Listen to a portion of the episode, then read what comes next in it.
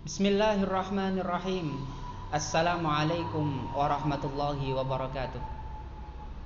Alhamdulillahi rabbil alamin wa bihi nasta'inu ala umuri dunya waddin. Wassalatu wassalamu ala sayyidina Muhammadin wa ala alihi wa sahbihi ajma'in amma ba'd. Alhamdulillah sahabat yang dirahmati oleh Allah. Tidak terasa hari ini kita memasuki hari ke-16 dari bulan Ramadan Semoga kita semua masih tetap menjalankan ibadah kepada Allah Subhanahu wa taala dan menjalankan kewajiban kita sebagai hamba dari Allah Subhanahu wa taala.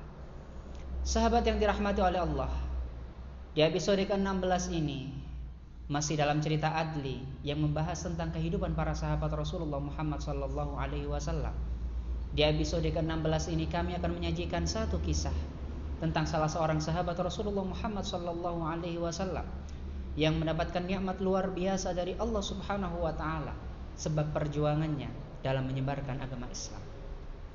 Beliau adalah Abu Umamah Al-Bahili, salah seorang sahabat Rasulullah Muhammad sallallahu alaihi wasallam yang berasal dari suku Bahilah. Pada saat Abu Umamah memeluk agama Islam, pada saat itu Rasulullah Muhammad sallallahu alaihi wasallam mengutus Abu Umamah untuk berdakwah ke kaumnya yang mana pada saat itu kaum Bahilah sungguh sangat sesat sekali di mana, banyak sekali penyimpangan-penyimpangan yang dilakukan oleh penduduk kaum Bahilah. Seketika itu pula Abu Umamah pun berangkat menuju ke kampung halamannya untuk berdakwah, mendakwakan agama Islam kepada kaumnya. Sesampainya di kampung halamannya, Abu Umamah merasa haus dan lapar luar biasa. Dan pada saat itu pula Abu Umamah bertemu dengan orang-orang di kampungnya yang sedang makan dan berpesta pora. Pada saat itu Abu Umamah ditawari untuk makan bersama mereka. Tetapi ternyata yang dimakan oleh mereka adalah makanan yang berasal dari darah. Abu Umamah dengan halus menolaknya. Kemudian Abu Umamah pun mengajak agar mereka beriman kepada Allah Subhanahu wa taala dan meninggalkan makanan-makanan yang diharamkan oleh Allah Subhanahu wa taala. Betapa marahnya kaum Bahilah ketika melihat Abu Umamah telah berpaling dari agama nenek moyang mereka dan mengikuti agama Nabi Muhammad sallallahu alaihi wasallam. Mereka kemudian mencaci maki Abu Umamah, bahkan mereka mengusir Abu Umamah dari kampung halamannya. Pada saat itu Abu Umamah merasa haus luar biasa, sehingga pada akhirnya Abu Umamah terpaksa meminta air kepada mereka. Tapi apa jawaban dari kaum dari kaum Bahilah? Ternyata kaum Bahilah menolak. Bahkan kaum Bahilah mengatakan kepada Abu Umamah, mereka tidak akan pernah memberikan air kepada Abu Umamah dan mereka lebih menginginkan Abu Umamah mati karena karena Abu Umamah telah meninggalkan agama nenek moyang mereka. Betapa sedih hati Abu Umamah. Pada akhirnya Abu Umamah berjalan untuk beristirahat dan ketika sudah lelah luar biasa, pada akhirnya Abu Umamah pun tertidur. Dan ternyata Masya Allah di dalam tidurnya Abu Umamah bermimpi Diberi segelas susu. Dan susu pun susu itu pun segera diminum oleh Abu Umamah di dalam mimpinya. Dan ternyata Abu Umamah Tidak pernah meminum susu yang paling enak Seperti susu yang beliau minum pada saat itu.